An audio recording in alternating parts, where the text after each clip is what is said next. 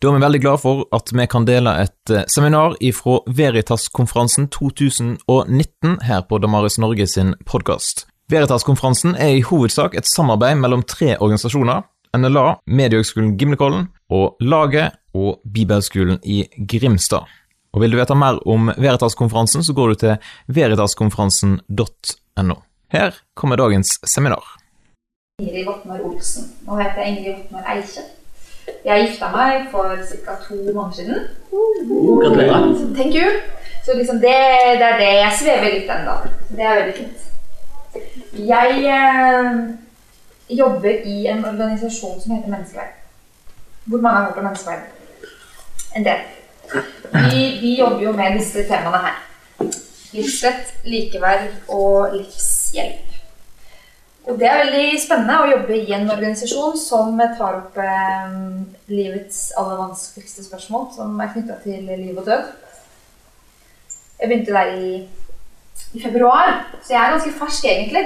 Så dere må ikke tro at dere kommer hit og skal få svar på alle spørsmålene deres. For jeg har ganske mange spørsmål sjøl om det temaet som eh, vi skal snakke om i dag.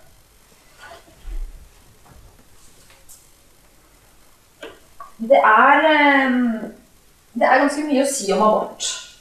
Og du kommer jo her med, med tanker, erfaringer, meninger, følelser. Det er ikke så lett å snakke om abort. Men det er jo derfor vi bør snakke om det. Fordi det er eh, skikkelig vanskelig. Og eh, dere har sikkert hatt eh, diskusjoner med, med klassekamerater, med familiemedlemmer, med dere sjøl. Og det er jo ikke noe man helst vil snakke om på fest eller i en bursdag eller i en nær relasjon. For det blir fort eh, dårlig stemning hvis man er uenige med flertallet i Norge. Som heier på at man skal ha rett til å ta abort. Fordi det handler jo om eh, meg og mitt liv. Og hvorfor skal ikke jeg få lov til å bestemme over meg og mitt liv? Og jeg, jeg vil at det skal være lov å altså, Nå kjenner jo ikke jeg alle dere. Men jeg vil at det skal være lov å liksom kjenne på alle følelser. Og tenke alle tanker. Og være sånn helt 100% ærlig med seg selv. Og ikke, i hvert fall jeg, som også er oppvokst i en kristen familie, og som eh, har gått på kristen videregående skole, kjenner litt på det der at jeg, jeg, skal stille de spørsmålene som er riktige. For å vise at jeg, jeg eh, er en flink eh, kristen pike som som eh, står for det som er sant og riktig. Men jeg tror det er mye viktigere å tenke sånn hva, Være helt 100% ærlig med seg selv og si ting akkurat slik som du føler og mener med dine venninner og med kompisen din og med deg selv. Fordi det oppstår så mange misforståelser og, og konflikter når man ikke er ærlige. Og det er fullt og helt, selv om man er kristen og går på bygg eller er på denne konferansen, så er det lov til å stille spørsmål. Det er ikke farlig, det. Det er jo noe vi absolutt Vi må stille spørsmål. Ellers så kommer vi jo ingen vei. Så jeg håper at, eh, at, dette er et rom hvor vi kan være ærlige, og vi kan stille spørsmål, og vi kan være Det er sikkert noen som er sure og sinte òg, jeg vet ikke, men at det er liksom lov, da. Det er helt greit. Så det er viktig, viktig for meg å si. Fordi ingen spørsmål om abort er lette, fordi det handler jo om liv og død. Sånn er det jo bare. Det handler om, om liv, liv, og død. Og vi i Menneskeverd da, vi, vi tror ikke at abortsaken primært er en kvinnesak. Eh, men jeg og vi, vi kan forstå hvorfor, hvorfor veldig mange roper eh, 'min kropp, mitt valg'. Som dere sikkert eh, har fått med dere. Og man kan tenke hvorfor, Så teit at de altså, blir litt sånn åh, himle med øynene og Hvorfor går de i tog og går rundt i blodige truser, liksom? Men, men, man må stille seg spørsmålet hvorfor. Altså, har de et poeng? Kan man forstå hvorfor mange kjenner på, på disse følelsene og roper dette? Kan man, kan man forstå det? Jeg, jeg kan forstå hvorfor mange gjør det. Det skal vi, vi komme, komme, litt eh, tilbake til. Men det, debatten om abort det vil alltid være krevende. Fordi den berører etiske, filosofiske, juridiske, teologiske spørsmål økonomiske spørsmål og alle sider ved vårt menneskeliv. Det er en grunn til at denne debatten her alt, den, har, den har gått og gått og gått helt siden, helt siden uh, kvinner fikk uh, stemmerett. Og, og vi bærer med oss erfaringer, og vi er jo enkeltmennesker her. Vi har enkelthistorier, og vi leser om enkeltmennesker i media, men vi kan ikke bygge den norske lov på enkelthistorier. Men samtidig så er vi jo nødt til å møte disse enkeltmenneskene. Og vi er nødt til å stille oss spørsmål hvilket menneskesyn vi vil ha i Norge i dag. Hvilket menneskesyn vil vi ha? Og dere kjenner jo til abortloven. Og det er jo ingen eh, lov i Norge i dag som, eh, som beskytter oss før uke tolv. Det er ingen lov som beskytter oss. Etter uke tolv så har vi noe som vi kaller for et gradert rettsvern. Inntil uke 21 og seks dager så kan vi søke om en senabort. Og dette er knytta til paragraf 2c i abortloven. Og den sier at dersom du har funnet ut at du bærer et sykt barn, eller et barn med et avvik, så har du muligheten til å ta en abort etter uke tolv. Og hva sier det? Jo, det sier jo at syke barn har et dårligere rettsvern enn friske barn. Vi diskriminerer barn. Og det, det mener vi er forkastelig i, i, et land som Norge, eller generelt. Vi, vi skal ikke ha en sånn lov som, som gir kvinner rett til å, til å velge bort syke barn, mens de friske blir beskytta. Hva sier det om, om, vårt land? Og dette her er jo egentlig en debatt for seg. Dette handler jo om likeverd og hvem er det som er velkommen i, i vårt land. Men jeg vil likevel bare komme med, med noen tanker. Og det bygger på det at ni av ti kvinner som får vite at barnet i magen har Downs syndrom, tar abort i Norge. Og dette, det, denne statistikken gjelder jo de kvinner som har funnet ut at de har, en, har et barn med Downs syndrom, ikke de som Det er jo um, like mange barn som fødes med Downs syndrom i dag som i 1970. Men, men vi får flere barn eh, med Downs syndrom, og en, det er en, en konsekvens av bl.a. at vi får barn mye senere i, i dag enn vi gjorde før. Men, og det er jo ingen grunn til å dømme disse kvinnene. Jeg dømmer jo ingen, og vi dømmer ingen som har tatt abort. Det har vi ingen rett til. Det har vi ingen rett til.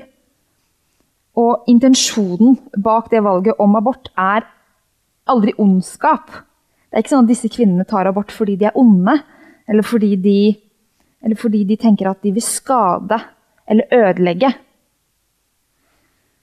Men tallet sier jo likevel noe, statistikken sier, noe, sier likevel noe om hva som, hva som, er, eh, hva som er ønsket i Norge.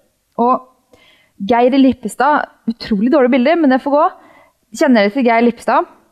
Han, hadde, han, var forsvarer for Behring Breivik og hadde en syk datter som heter Rebekka, som, som, døde for noen år siden. Hun satt i rullestol og var multihandikappet. Og han spør, han har skrevet en bok om nettopp dette. Og han spør bidrar jakten på det perfekte til utjevning eller til enda større fallhøyde og forskjeller? Får vi en bedre verden av å fjerne alle lidelser og all sorg? Eller påfører vi oss enda større skuffelser, misforståelser og konflikter? Bidrar jakten på det perfekte til utjevning eller enda større eh, fallhøyde og forskjeller? Altså han har, har, et poeng, og jeg ønsker å, å stille spørsmålet er døden et bedre alternativ enn et strevsomt liv. Det er kanskje et ganske drøyt spørsmål, i hvert fall jeg som aldri har vært i en situasjon hvor jeg har måttet velge, eller har fått muligheten, eller har vært i en situasjon hvor, hvor abort har vært eh, tema. Jeg har ikke peiling hvordan det er. Men mest sannsynlig ville jeg ha opplevd det på samme måte som veldig mange opplever det. At de, de opplever et mørke. Du skal få et sykt barn, eller du, det barnet du bærer på, det har Downs syndrom. Selvfølgelig er det helt Altså, det blir mørkt. Du tenker at det, altså, hvordan, skal, hvordan, skal, jeg klare å leve mitt liv nå med et sykt Jeg kommer jo ikke til å klare å være en god mor. Hva men hva med barnet? Kommer det til å få et godt liv? Men midt oppi alt dette, da, er vi redde for det å møte motgang, møte smerte? Ønsker vi å fjerne alle lidelser, all sorg? Eller, eller skal vi klare å altså, eller, eller, er døden, altså er abort, en løsning? Vi tenker at abort aldri er en løsning fordi barnet i seg selv ikke er et problem. Barn skal aldri, aldri bli sett på som et problem. Og så kan man diskutere hvordan kom det barnet til verden, og vi kan diskutere voldtekt og incest. Men, men, eh, men, i bunn og grunn så handler det om at det er et menneske, det er kvinnen og det er mannen, og så er det barnet. Og alle disse har rettigheter og, og bør bli beskytta.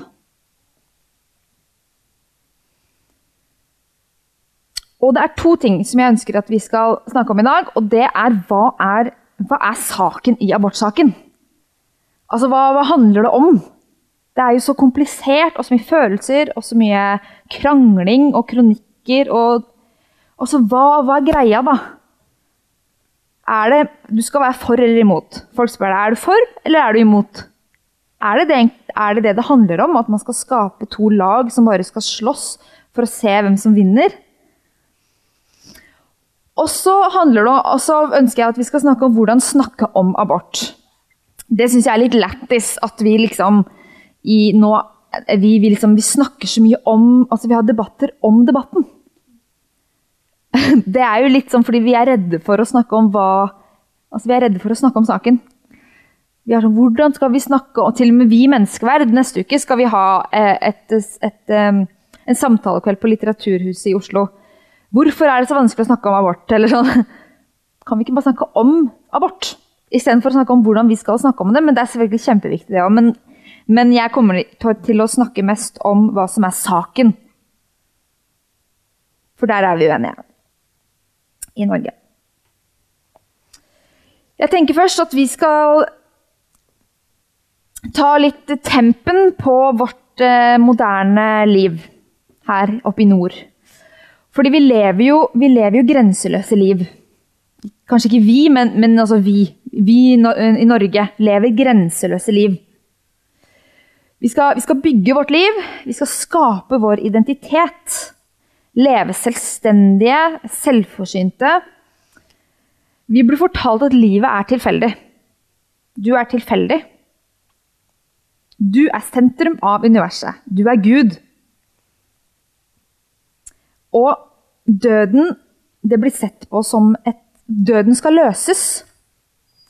Aldring skal unngås, og vi skal optimalisere våre liv. Slik at, slik at ingenting hindrer veien til det perfekte, smertefrie liv. Kjenner dere igjen der? Altså, det er ingen regler, det er ingen lover og leger, det er ingen moral. Hvis man skal ta det helt ut, fordi du skal få lov til å bestemme selv hva som er rett for deg og din kropp og dine følelser og dine tanker. Ingen skal hindre deg i det. Men det finnes en annen fortelling om oss. Og vi er jo ikke en kristen organisasjon, så jeg skal på en måte ikke ta den, den andre fortellingen om hvem vi er, ut ifra et kristent og teologisk perspektiv. Men menneskelivet har grenser. Vi er sårbare, vi er små. Vi er avhengige av de rundt oss. Og det er liksom nesten radikalt i dag å si sånn jeg, jeg, trenger, jeg trenger deg. Jeg trenger familien min, jeg trenger vennene mine. Jeg klarer, klarer ikke meg sjøl, jeg klarer ikke livet alene. Hvem er det som sier det nå? Og det er liksom ubehagelig å spørre om hjelp, da. Jeg er i hvert fall sånn at jeg, jeg skal jo fikse livet sjæl, hallo. Jeg skal ikke vise vennene mine at jeg griner eller har en kjip dag. Fordi da mister jeg min troverdighet, min, altså mitt, sånn, mitt, sterke rykte og omdømme. Hvor ofte, er det liksom, hvor ofte er det dere spør Eller hvis du har en drittdag eller en drittperiode i livet ditt, er det sånn at du liksom bare rekker opp hånda og sier det? eller holder vi, holder vi det for oss sjøl? Og Det tror jeg er veldig menneskelig, men det sier også noe om at er det egentlig innafor i dag å være hele mennesker? Å være sårbare, å være sånn vi er. Fordi vi er sårbare. Det er noe som er til felles for oss mennesker. Det er at vi er sårbare. Og vi opphøyer individualismen som en gud.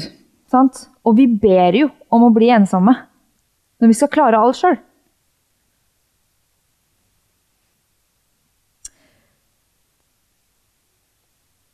Og abortdebatten den handler jo i stor grad om at dette er et valg som kvinnen bør ha, og som hun skal ta helt alene. Dette er opp til kvinnen, for hun vet best selv. Det er meg og mitt. Men dette valget det blir ikke tatt i et vakuum. 1500 kvinner i året ombestemmer seg når de har abortpillen i hånda. Dette er i utgangspunktet et helt umulig valg. Det er ikke et valg Altså, du, du som menneske skal, skal, bestemme over et annet menneske. Om det skal få lov til å vokse opp eller ikke. Det er et umulig valg. Det er ikke et valg, fordi det er ikke et valg du skal ha i utgangspunktet, men Men eh, ja.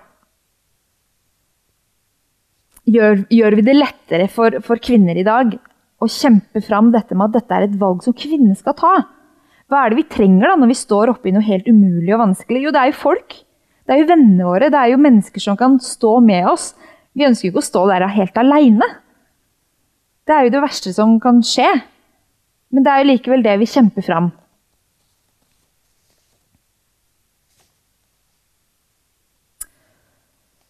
Og så er det litt sånn, Dette er kanskje litt sånn klisjé og teit å snakke om, men, men litt sånn, hvordan er det vi snakker om, og Særlig da kanskje i, i den menigheten du går i, eller i det, i det, miljøet du er i. Hvordan snakker vi om snakker vi om kvinner som blir uplanlagte gravide?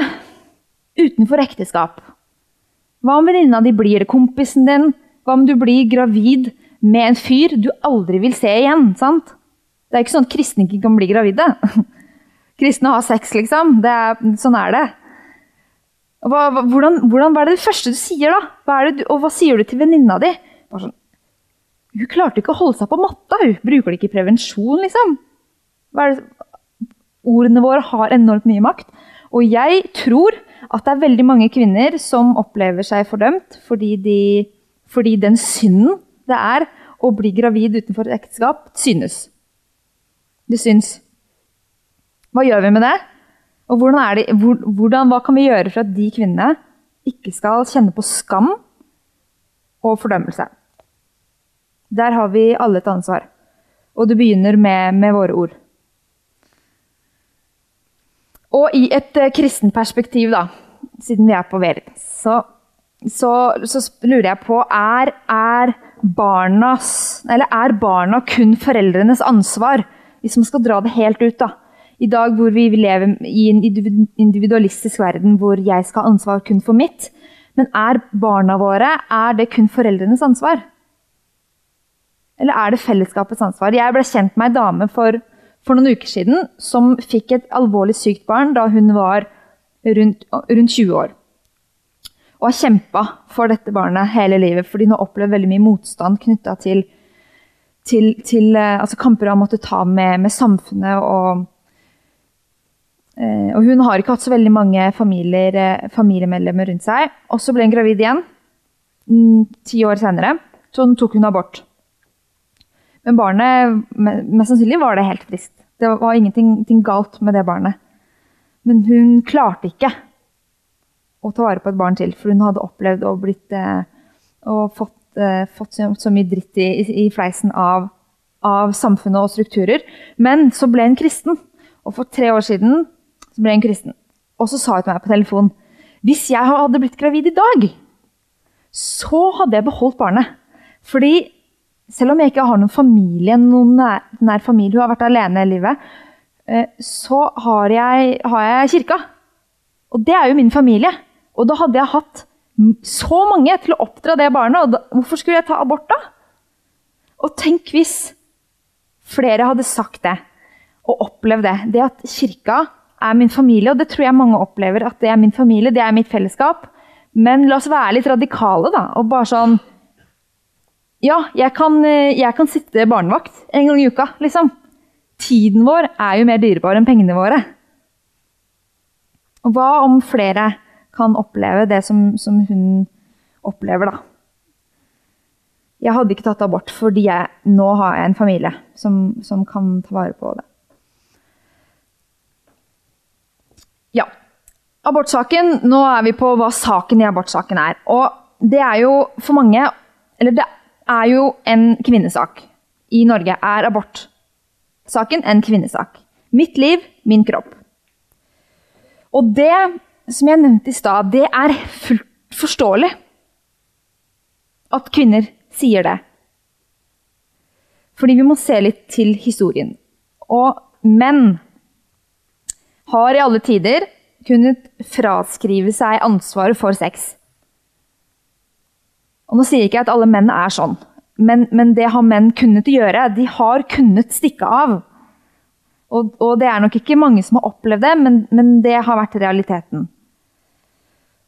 Og nå prøver jeg bare å forstå saken ut ifra motstandernes perspektiv her. Og, med, og, kvinner har alltid igjen sittet med ansvaret. Fordi hvis kvinnen stikker, så dør jo barnet. Sant? Kvinner kan jo, ikke, kan jo ikke stikke av. Det er helt nødt til å være sammen med barnet. Ellers dør det. Og hvorfor skal ikke kvinner kunne få avskrive seg ansvaret slik som menn? dette er jo et, et, perspektiv, det at man skal kunne frigjøre seg fra sin, fra sin, seksualitet. Man skal få gjøre hva man vil uten å ta ansvar for, for de konsekvensene det innebærer. Og i en ideell verden så skal jo alle ta konsekvensen av sine handlinger. Men, men vi lever jo i en verden hvor alt er lov. Så hvordan argumenterer man da? Og som en liten sånn kobling til hvordan vi skal snakke om abort, så vil jeg at vi skal gjøre en litt sånn ubehagelig øvelse, kanskje. Og det er å vri litt på huet vårt. Og så vil jeg at dere to og to skal, skal snakke sammen om eh, Har dere sett eh, dette? Dette her er jo knytta til endringen som skjedde knyttet til tvillingabort. Abortloven har jo blitt endret, og det er vi veldig stolte av at vi i Menneskeverd var med å, å, endre abortloven. Som handler om at eh, nå, når man har tvillinger, så kan man ikke bare fjerne den ene. Man må søke nemnd. Og vi mener jo da at, at, det, at de barna blir mer beskytta enn hva de tidligere har vært. Så man må ha en, en grunn til å ta abort. Ja. Og da klikker, klikker det for uh, tusenvis av kvinner fordi man misforstår uh, saken, for det første. Og så berører dette noe dypt i oss mennesker. Eh, og man bruker sterke virkemidler. Så jeg vil da i denne sammenhengen kalle mine motstandere de blodige trusene. Og hva Og så lurer jeg på, har de blodige trusene rett i noe? Det vil jeg at dere skal snakke sammen to og to. Altså, nå, nå, kjenner ikke jeg eh, til deres eh, standpunkt, eller, eller hva dere mener. Men men eh, jeg lurer på hva dere tenker. Har, har de rett i noe? Eller i så fall hva? Snakk sammen to og to.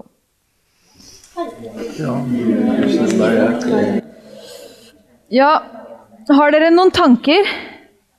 Hva tenker dere om, om det? Ja? At hvis uh, saken er at hvis ikke de får hjelp til å ta abort, så tar de saken i egne hender. Mm. Og da Ja, i land som forbyr abort, skjer det jo veldig mange, mange ulovlige, illegale aborter. Som, som gjør at, uh, at, man enten dør, eller at det, man kan få man kan få, få, skade resten av livet. Og, og, eh, og, den tanken er jeg helt med på, fordi um, man kan i mange land hvor nå, nå, generaliserer jeg veldig, men i, man, i, mange land som forbyr abort, har et helt annet syn på sex og på kvinner enn det vi har i Norge. De sier ja til voldtekt, men nei til abort. Det er problematisk. Og vi menneskeverd vi ønsker jo heller ikke å kriminalisere kvinner som, som blir voldtatt, og som ønsker abort. Fordi det, man kan jo ikke sette kvinner i fengsel for noe for noe som eh, de har opplevd. Altså det mest grufulle et menneske kan oppleve. Så det er et veldig, veldig godt innspill. Ja. Hva tenker dere andre? Har dere noen, noen tanker? Hva slags følelser får dere når dere ser sånne ting?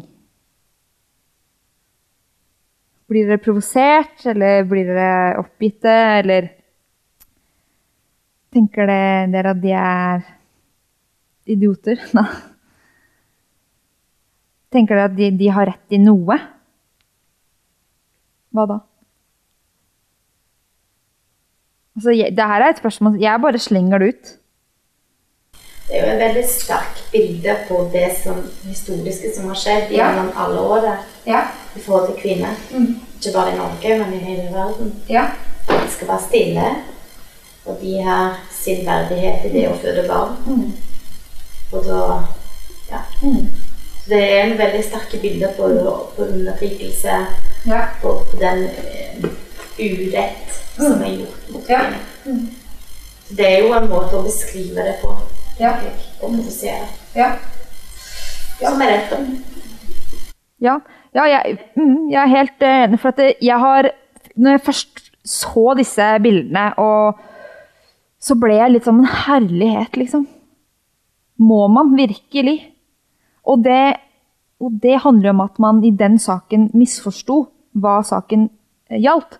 Men så har jeg tenkt litt bare sånn Men de har jo, jeg, jeg kan forstå hvorfor kvinner er sinte. Jeg kan forstå hvorfor kvinner er sinte, fordi kvinner har i så mange hundretusenvis av år opplevd maktmisbruk og, og overtramp at de har måttet holde kjeft.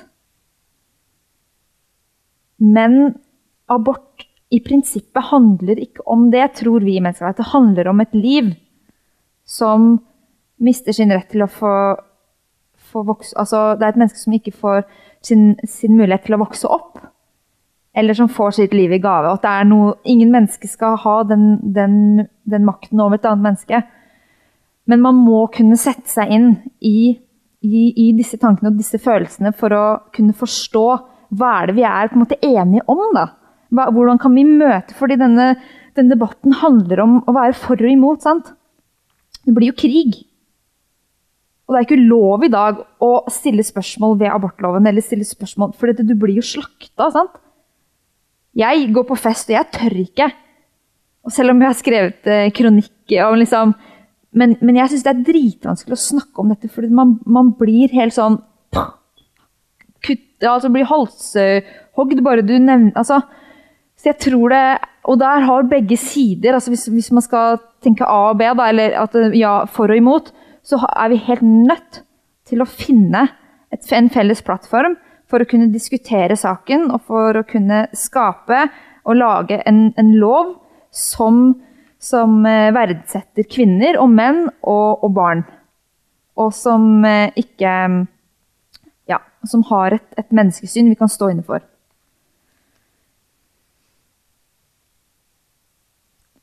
I fjor så tok 34 kvinner abort eh, hver eneste dag. Det er eh, 12 380 12 380 kvinner som tok abort i løpet av 2018. Og det tallet er synkende. Og det er jo bra, fordi alle er jo enige om at aborttallene skal gå ned.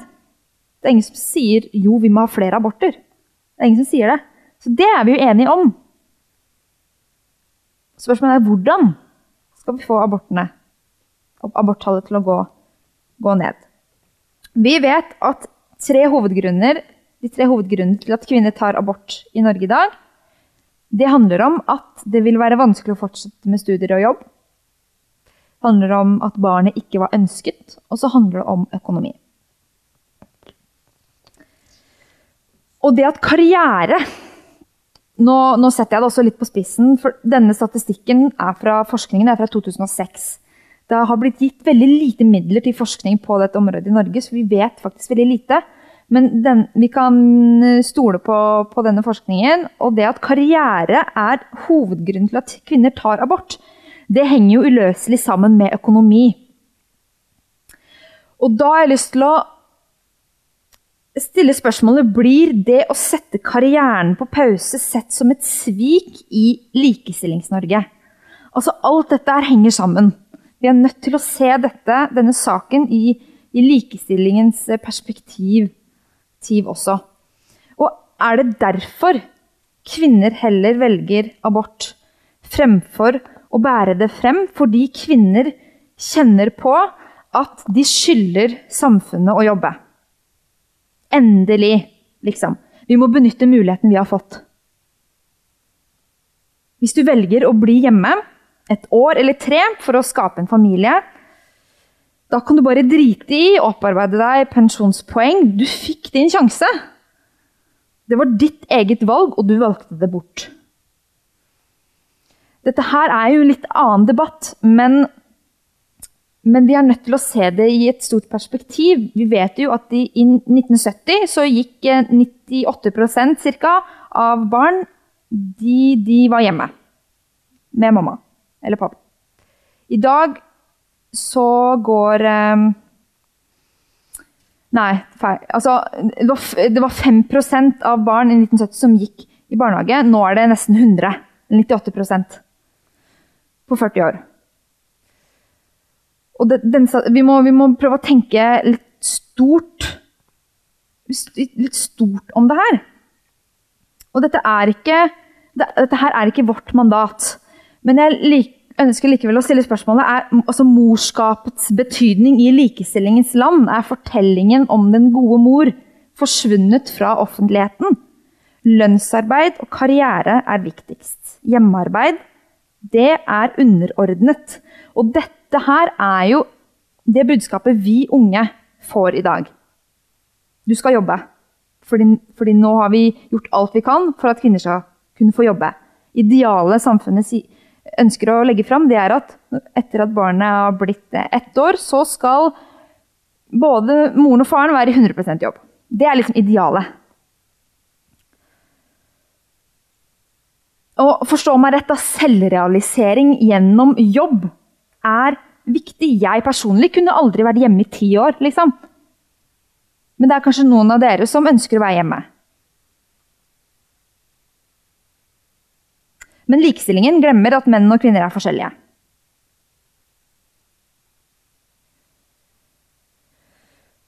Abortloven den kom i 1978, og det er den største endringen som har skjedd for at kvinner skal kunne få eie sin egen kropp liv og konsekvensene av sin egen seksualitet. Historisk, Det er en historisk endring i hvordan man kan føre sitt eget liv, og er en direkte konsekvens av maktmisbruk. Og det skulle jo bare mangle at kvinner er sinte. Og det er ikke høl i huet at kvinner er sinte. Men det at hele Norge mener at abortsaken er en kvinnesak, det er jo problematisk.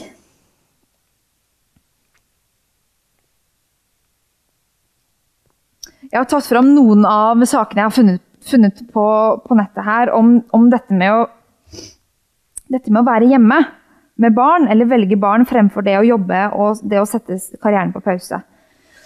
Og det er jo at man opplever kritikk når man er hjemme. Altså hjem, altså, nå, nå, sier jeg ikke at alle her skal være hjemme, liksom, når de får barn. Men, men når, altså, når, når hovedgrunnen til at kvinner tar abort, er fordi at de ønsker heller å jobbe.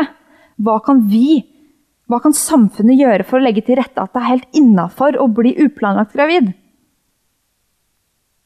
Skjønner du? Er det her litt sånn, sånn fjernt, eller er det, er det tanker som, eh, som dere er enig med? For å, for å samle trådene litt vi mennesker vi er sårbare. Abort er et umulig valg. Det er et valg du skal ta helt alene. Det er mange, som, det er mange forventninger som forteller deg hva du bør gjøre på bakgrunn av situasjonen du er i. Jobb, ønske om barn, økonomi er hovedfaktorene til valget du skal ta. Og saken i abortsaken det handler om valgmuligheten du har for å bli mor eller ikke, og det handler om rettighetene for det ufødte barnet og for deg som mor. Jeg syns det er spennende i dag, eller, eller krevende, det at vi i dag snakker jo om at jeg Altså at man får ikke barn lenger i dag. Man får ikke barn, man velger de. Sant? Du, og du har, du har sykt barn. Ja, du hadde jo et valg. Du valgte det syke barnet ditt. Da får du takke deg sjæl med de problemene du står i. Er ikke det en ganske sånn skrudd tankegang? Det, er, det, er, ikke naturlig, det er, ikke noe biologi i det, det er et valg. Og hva med menn? sant? Dere menn som sitter her, har dere noe dere skulle ha sagt? Ja, selvfølgelig. Fordi hva menn sier i den situasjonen, hva mannen sier, har enormt mye å si for hva kvinnen velger. Så ja, snakk og, og delta i samtale. Altså dere, dette her er, er på prinsipielt grunnlag snakk om hva, hva, et menneskeliv er verdt, og, og retten til liv. Og det, det, skal jo ikke bare kvinner snakke om. Sant? Jeg skulle gjerne ha sett flere menn her i dag. Og, og, det at menn opplever det som truende, det å, å nevne og delta i debatten, det, der har vi en jobb å gjøre. Fordi sånn skal det ikke være. Ja. Jeg var på, på skjærgårds eh, i år og sto på stand sammen med tre menn og meg. Og det opplevde jeg som noe så skikkelig fint. At de sto der og argumenterte for at ufødt liv er verdt, er, er verdt noe. Er, er, like, er like mye verdt som oss. Det var så, Og folk bare altså, Vi må kunne snakke om dette her. Menn og kvinner. Og det, det håper jeg at dere opplever, dere menn. At dere, får, dere, blir hørt, og at dere får lov til å stille de spørsmålene som dere har.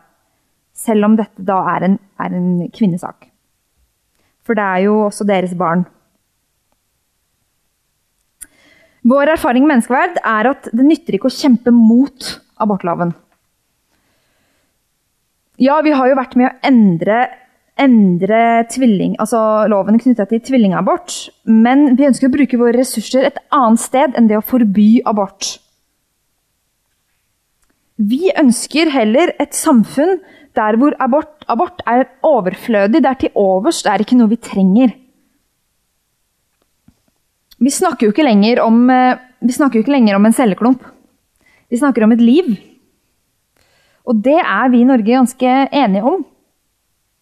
Det er et eh, svangerskap som avbrytes, sier vi. Vi sier ikke lenger en celleklump. Fordi naturvitenskapen har jo bevist at livet begynner ved befruktning. Det er bevist.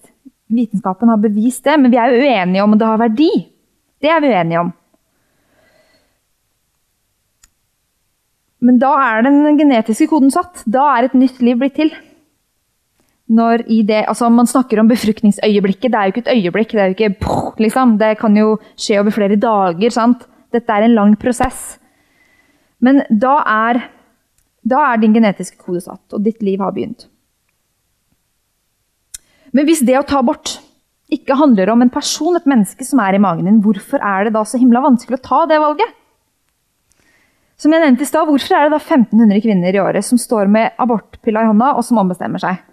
Hvorfor, hvorfor, er så, hvorfor er det et umulig valg hvis ikke det handler om et annet menneske? Det er jo fordi det er nettopp det det handler om. Det handler jo om et barn. Det handler jo om våre barn. Siden abortloven kom, det, har, det blitt, eh, har det blitt utført 500 000 aborter. Det er 500 000 mennesker.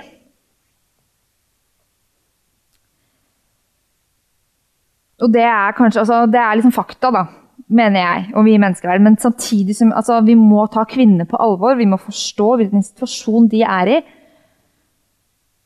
Samtidig så altså, man må kunne møte dem. Og man skal ikke dømme. Og, og vi ønsker ikke å, å, ha fokus på de valgene som er tatt, men på de valgene som skal tas i fremtiden. Og det er de valgene det, det er det vi som skal ta. Ei kollega av meg, Maria Selbekk, hun der, hun hun var i en debatt med styreleder i Kvinnefronten, Christ, um, Katrine Kristiansen. Og det var ganske heftig. Men hun, altså hun Katrine, hun spurte Maria Eller hun sa dere er nødt til å velge mellom kvinnen og barnet. Dere er helt nødt. Dere må velge enten kvinnen eller så må dere velge barnet. Dette er altså at man er enten for kvinnen eller for barnet. Men er det ikke mulig å være for begge? Hva tenker dere? Er, er det mulig? Og hvordan, hvordan gjør man det? Vi har jo en vei å gå når det kommer til morsrollen og rettighetene. Det er jo faktisk sånn at hvis jeg i et halvt år har jobba 100% og blir gravid, så har jeg rett på full, full lønn, eller full eh, permisjonspenger. 100% Har jeg ikke hatt jobb, så får jeg nå 83 000. Er ikke det ganske diskriminerende? Hva er det vi kan gjøre for å få aborttallene ned? Dette her handler i stor grad om kvinnen, men å frata fosteret retten til liv Det ser vi på en sak som ikke bør kjempes.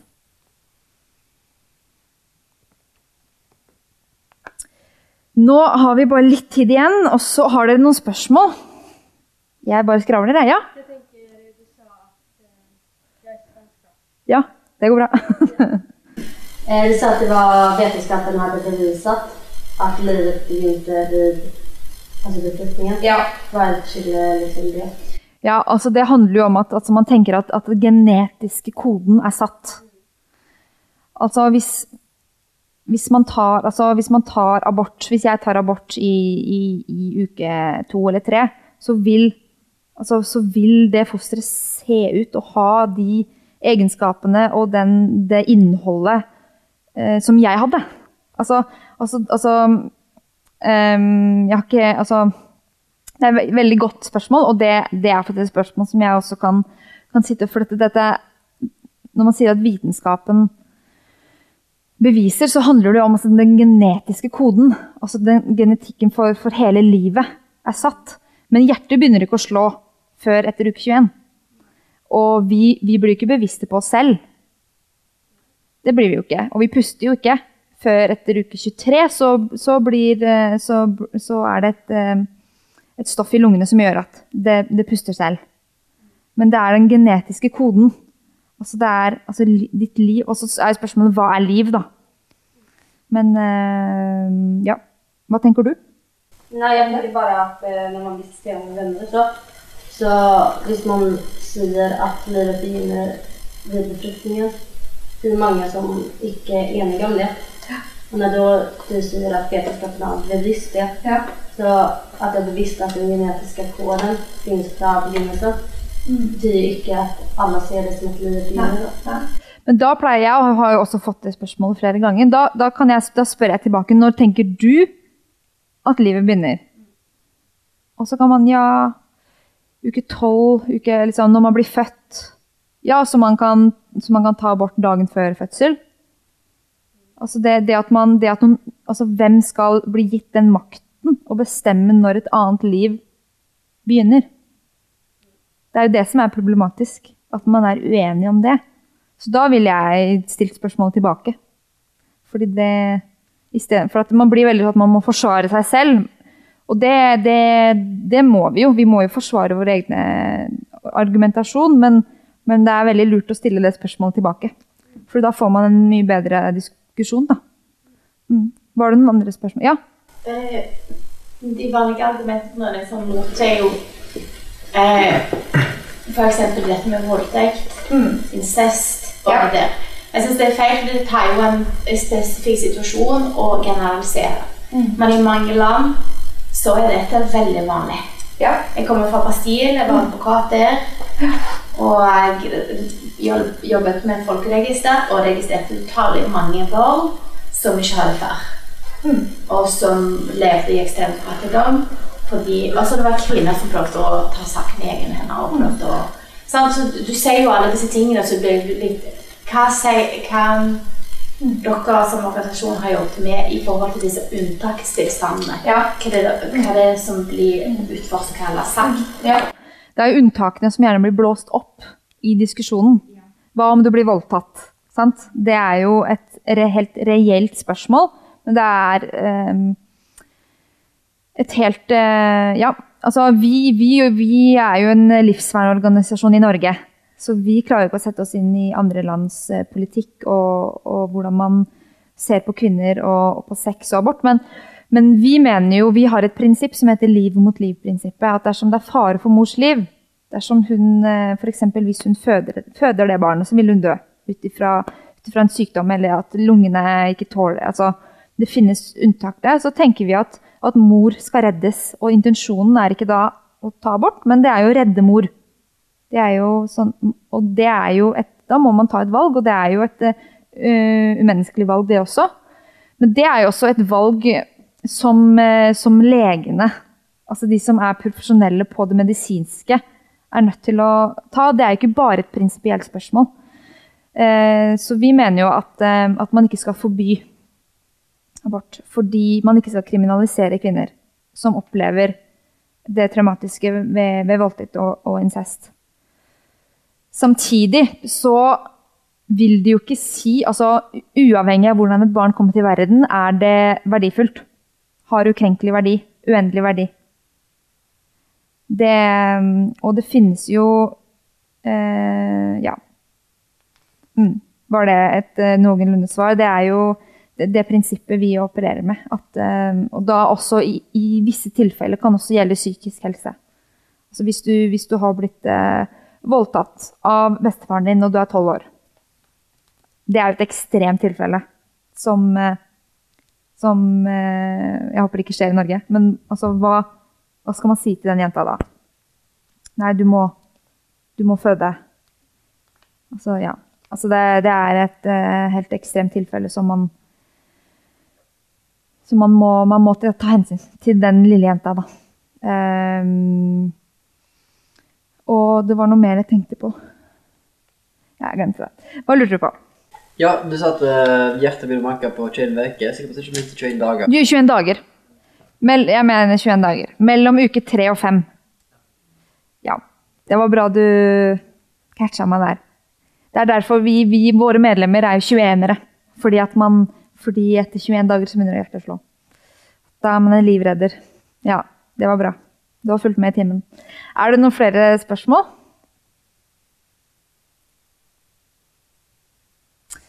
Nei. Ja. Det er jo et sånn integreringsspørsmål som har blitt sant, at det eh, Jeg er ikke enig i dette, men jeg har hørt f.eks. at eh, ja, er disse utenlandske som kommer her, de får barn etter barn etter barn. Nå kan ikke vi ha pensjonsordning eller, eller velferdsordninger som opprettholder disse kvinnene hjemme. Fordi det bidrar jo til utrykkelse, eh, mm. nedtrykking av kvinner. Fordi da får disse ikke lov til å gå ut i arbeidslivet, blir bli syke litt sånn hjemme, så må de få føde flere og flere barn. Og Derfor kan ikke vi ha en generell, en generell velferdsordning for deg som vil være hjemme. Eh, har du møtt dette i debatt, eller hvordan Ja, altså dette her er jo egentlig ikke vårt mandat, eh, fordi vi, vi, vi har jo mest fokus på altså økt rettsvern for fosteret. Men, men, eh, det er jo faktisk sånn at vi i Norge vil føde færre barn. Erna vil at vi skal føde flere barn fordi, fordi befolkningstallet Eller at vi føder færre og færre barn. Men det er innvandrerkvinnene som holder tallet oppe. Og det at de gjør jo en samfunnstjeneste ved å, fostre opp barn. Det er jo den viktigste jobben vi kan gjøre i, i, landet vårt. Og hvorfor kan man ikke anerkjenne det og, og, og heie det fram? De kvinnene som er hjemme og gjør det. Jeg, jeg, det er et veldig godt spørsmål. Jeg har, ikke, jeg har ikke noe godt svar, fordi jeg er ikke politiker og har ikke den makten til å gi de masse cash. Men, men det er eh, et helt eh, reelt altså det, det, er en, en, et eh, perspektiv man bør ta med inn i debatten, og som jeg faktisk har med det er jo dette hvordan skal vi snakke om abort, og det er det å ta med inn sånne perspektiv. Eh, overraskende poenger. Dette med, med, dette med de som kommer til Norge, til Norge, og får masse barn, som i utgangspunktet er bra for Norge. Det er jo bra å få barn. Eh, og det er bra å ha en mor som er til stede for de barna. Hvorfor skal man ikke belønne det? Hvorfor skal man ikke gi de penger, sånn at de kan få lov til å være hjemme? og ha det som sin jobb. Men det, de sier at det, kvinner har ikke valgt det sjøl? Nei. Det er det, det, det, det, er det kvinner, Ja. kvinner kjemper å komme inn, For da disse kvinner blir tvunget, og ingen kvinner ja. blir tvunget til noe. Ja. Ja, at, at, det, at, man, at mennene tvinger kvinner til å få barn, og så vil ikke de ha barn. Ja, ja det er også et, eh, et, eh, et, godt, eh, et godt spørsmål. Det, jeg, jeg er ikke helt sikker på liksom, statistikken, men vi vet jo at det også er mange innvandrerkvinner, innvandrerkvinner som tar abort. Um, og så har vi jo kanskje forskjellige kvinnesyn. Eller de kommer fra et land hvor man har et annet kvinnesyn enn vi har i Norge. Og at man, kan, eh, at man har makt over kvinnens kropp. Så det er, vi, vi, vi mennesker har ikke noe sånn spesifikt eh, svar på akkurat den problematikken, men, men vi, vi jobber med, vi jobber med liksom det perspektivet, fordi det er, det er litt det samme som at man må, man må ta inn Man må diskutere de ulike gruppene da, i samfunnet som, som opplever eh, overgrep om, eller maktmisbruk. Da, som det er. Mm. Har du noen, eh, noen eh, forslag til hvordan man skal møte den problematikken? Hva tenker du liksom knytta til Hvis det er jo snakke om det, sånn. Ja. For disse kvinnene blir jo isolerte. For de er utsatte for, eh, for maktmisbruk. Ja. De vet ikke noe det. Sånn. Ja. Det er jo det, liksom, det første steget, er å snakke. Altså, hvor mange nordmenn tar inn en eh, hijab-kledd kvinne Ja. seg på besøk? Så det er sånn, hvor, hvorvidt må vi ut til Ja. deg og snakker til deg? Ja. Så det er jo en, det er overvekt liksom hva eh, de, de snakker ikke språket, men vi prøver ikke heller å snakke med de. Så de blir jo mer og mer isolerte, Ja. og derfor mer og mer utsatte for sånne ting. Og da hvorvidt Vet de at de gjør en, et samfunnstjeneste? Mm. Altså, det er jo det. Oppdra de sine barn med den tankegangen. Eller opprettholde bare den samme nedtrykkelige eller begge tingene sine som er det. Det er veldig sant. Bra. Jeg tror det begynner med oss. Ja. Jeg med naboer. Ja. Snakke med dem. Ja. Mm. Veldig sant. Godt poeng. Vi, vi, eh, som jeg nevnte, så er saken mye viktigere enn hvordan vi snakker om abort. Så vi tar liksom det her litt på, på tampen. Det er at begge sider har gode poeng. Det er ikke sånn at, eh, at eh, man, må, man må akseptere og erkjenne det at, at man er nødt til å lytte til de man er uenig med, og prøve å forstå hvorfor de mener det de gjør. Og og mainstream liksom livsvernere, da. Som eh, Vi har alle liksom brukt ketsjup og dokker og sånne ekstreme virkemidler som, som man ser f.eks. i USA, og vi tror ikke det er veien å gå. At det, at det, det skaper dårlig stemning og dårlig samtale fra begge sider. Det er litt sånn mm. Og så er man nødt til å holde fokus på hvorfor kvinner tar abort. Istedenfor å snakke om hele tiden å snakke om at det er, et, det er jo et liv. Det er et menneske, det er et barn. Men hvorfor tar kvinner abort? Vi må, vi må, vi må forstå hvorfor kvinner gjør det. Og endre på, de, på strukturen og på, på samfunns... Altså på tankegangen knytta til det å bli u, uplanlagt gravid. Hvordan kan vi forhindre at, at abort skjer? Og så er det det med å komme med overraskende poenger i debatten. Og hvorfor tar innvandrerkvinner så mange aborter?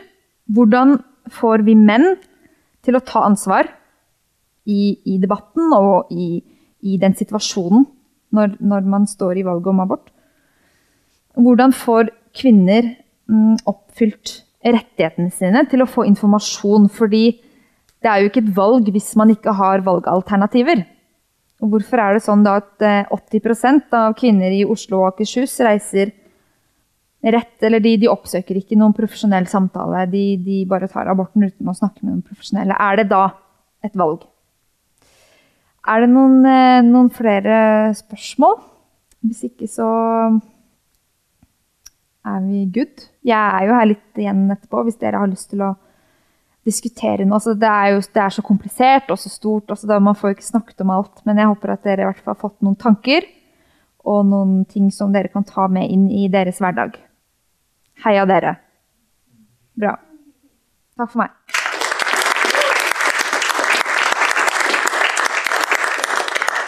Takk for at du lytter gjennom dette seminaret her. Og Skulle du ønske at flere fikk med seg det gode innholdet, ja, da kan du jo faktisk dele seminaret med noen, eller tipse dem om seminaret i sosiale medier.